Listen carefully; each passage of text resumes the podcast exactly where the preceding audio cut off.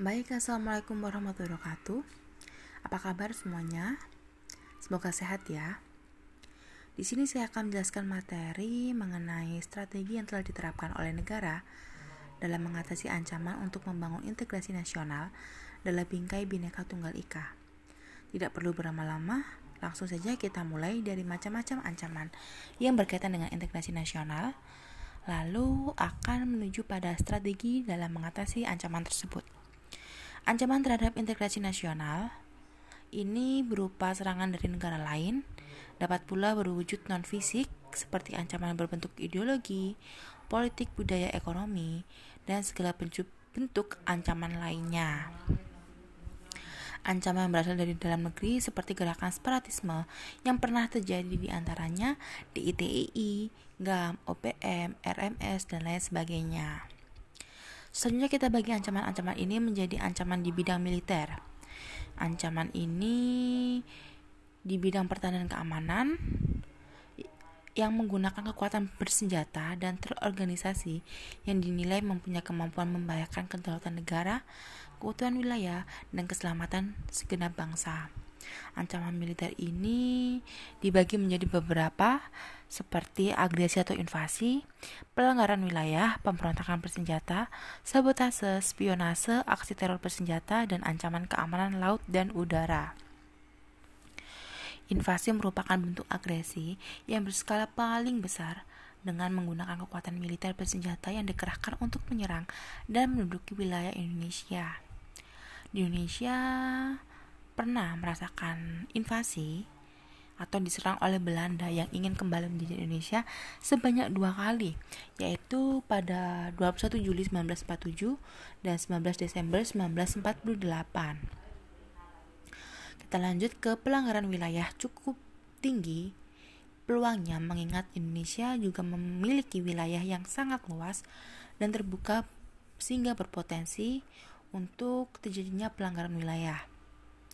Bentuk pemberontakan bersenjata ini pada dasarnya merupakan ancaman yang timbul dan dilakukan oleh pihak-pihak tertentu di dalam negeri. Namun, ada juga pengaruh dari kekuatan asing. Sehingga banyak terjadi sejumlah aksi pemberontakan bersenjata yang dilakukan oleh gerakan radikal seperti DITI, PRRI, Permesta, pemberontakan PKI Madiun, serta G30 SPKI. Sabotase juga merupakan salah satu ancaman, mengingat Indonesia memiliki sejumlah objek vital nasional dan instalasi, sehingga perlunya dipertahankan atau dilindungi. Selanjutnya itu kegiatan spionase dilakukan oleh agen-agen rahasia dalam mencari dan mendapatkan rahasia pertahanan negara di negara di negara lain Kegiatan ini dilakukan secara tertutup dengan menggunakan kemajuan ilmu pengetahuan dan teknologi. Selanjutnya merupakan aksi teror bersenjata, merupakan bentuk kegiatan terorisme yang mengancam keselamatan bangsa dan menebarkan rasa ketakutan, bahkan menimbulkan korban tanpa mengenal rasa peri kemanusiaan. Siapa saja bisa menimpanya tanpa memandang kasta. Gangguan keamanan di laut dan udara juga merupakan bentuk ancaman militer yang mengganggu stabilitas keamanan wilayah nasional Indonesia. Bentuk-bentuk gangguan ini seperti amunisi, pembajakan, dan masih banyak lagi. Langsung kita masuk ke poin kedua yaitu ancaman non-militer. Ancaman non-militer pada hakikatnya merupakan ancaman yang menggunakan faktor-faktor non-militer dinilai mempunyai kemampuan yang membahayakan kedaulatan negara, kepribadian bangsa, keutuhan wilayah negara, dan keselamatan segenap bangsa. Merupakan suatu ancaman yang terjadi di dalam bentuk ideologi semisal doktrin ingin mencoba mengganti ideologi dasar menjadi ideologi lainnya. Ancaman militer biasanya atau dibagi menjadi beberapa dimensi seperti ideologi, politik, ekonomi, dan sosial budaya.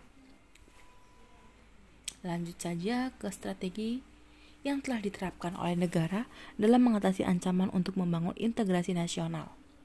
Dalam hal ini yang pertama mengenai strategi dalam mengatasi ancaman militer. Strategi yang telah ditetapkan terkait hal ini sudah termuat dalam Undang-Undang Dasar Negara Republik Indonesia tahun 1945 tentang strategi pertahanan keamanan dalam mengatasi ancaman militer tepatnya pada pasal 30 ayat 1 sampai 5 yang menyatakan tiap-tiap warga negara berhak dan wajib ikut serta dalam usaha pertahanan keamanan negara.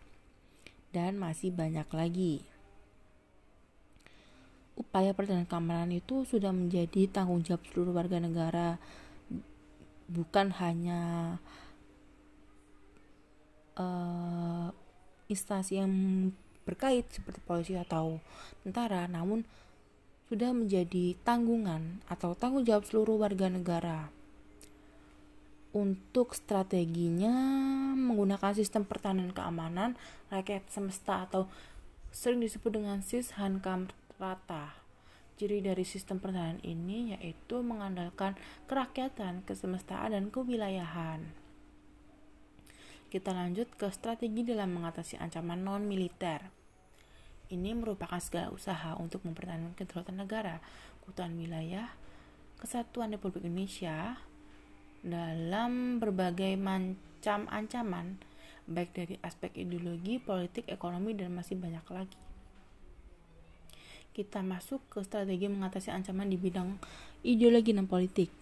Ada empat hal yang perlu dikedepankan oleh globalisasi dalam bidang ideologi dan politik, yaitu demokratisasi, kebebasan, keterbukaan, dan hak asasi manusia. Mengingat Indonesia adalah negara yang menganut paham demokrasi, sehingga harus mampu menumbuhkan pemerintahan yang kuat, mandiri, dan tahan uji. Untuk mencapai hal tersebut, Indonesia harus segera mewujudkan hal-hal seperti mengembangkan demokrasi politik, mengaktifkan masyarakat sipil, mengadakan reformasi, dan masih banyak lagi. Selanjutnya yaitu strategi mengatasi ancaman di bidang ekonomi. Pada kenyataannya itu globalisasi ekonomi dikendalikan oleh negara-negara maju. Sementara negara-negara berkembang masih kurang diberikan ruang dan kesempatan untuk memperkuat bahkan mengembangkan perekonomiannya negara-negara berkembang itu sering kali jadikan objek yang hanya bertugas melaksanakan keinginan-keinginan dari negara maju. Sudah saatnya atau hal yang perlu ditempuh di antaranya seperti sistem ekonomi dikembangkan untuk memperkuat produksi domestik. Pertanian dijadikan prioritas, perekonomian diorientasikan pada kesejahteraan rakyat, tidak lagi bergantung pada badan multilateral seperti IMF, Badan Dunia, dan WTO, serta mempererat kerjasama dengan sesama negara berkembang. Serta, serta strategi terakhir yaitu dalam hal mengatasi ancaman di bidang sosial budaya. Kebanyakan faktor yang timbul dalam hal ini ialah berasal dari luar, sehingga menimbulkan banyak perubahan. Perlunya perhatian yang sangat khusus agar tidak terjadi hal yang tidak diinginkan yang bisa membahayakan kelangsungan hidup kebudayaan nasional.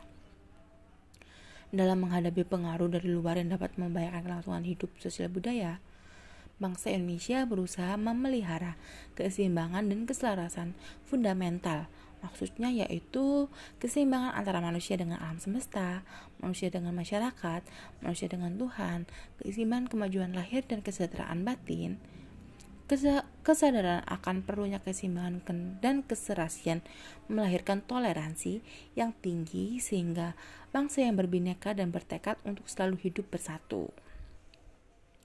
Uh, sekian yang dapat saya jelaskan mengenai materi kali ini. Saya harap kalian bisa memahami dengan baik apa yang saya sampaikan tentang materi kali ini. Uh, tugas kalian kali ini adalah menganalisis strategi yang telah ditetapkan guna membangun integrasi nasional. Jadi maksudnya, semisal kalian menganalisis jenis ancaman militer, lalu bentuk strategi yang diterapkan itu yang seperti apa, dan indikator keberhasilannya itu yang bagaimana. Apakah perlu untuk ditingkatkan atau diperbaiki atau yang lainnya. Oh, saya saya kira atau saya harap kalian paham saya juga akan memberikan lembar tugas hari ini. Tugas dikerjakan secara berkelompok sesuai dengan pembagian. Terima kasih. Wassalamualaikum warahmatullahi wabarakatuh.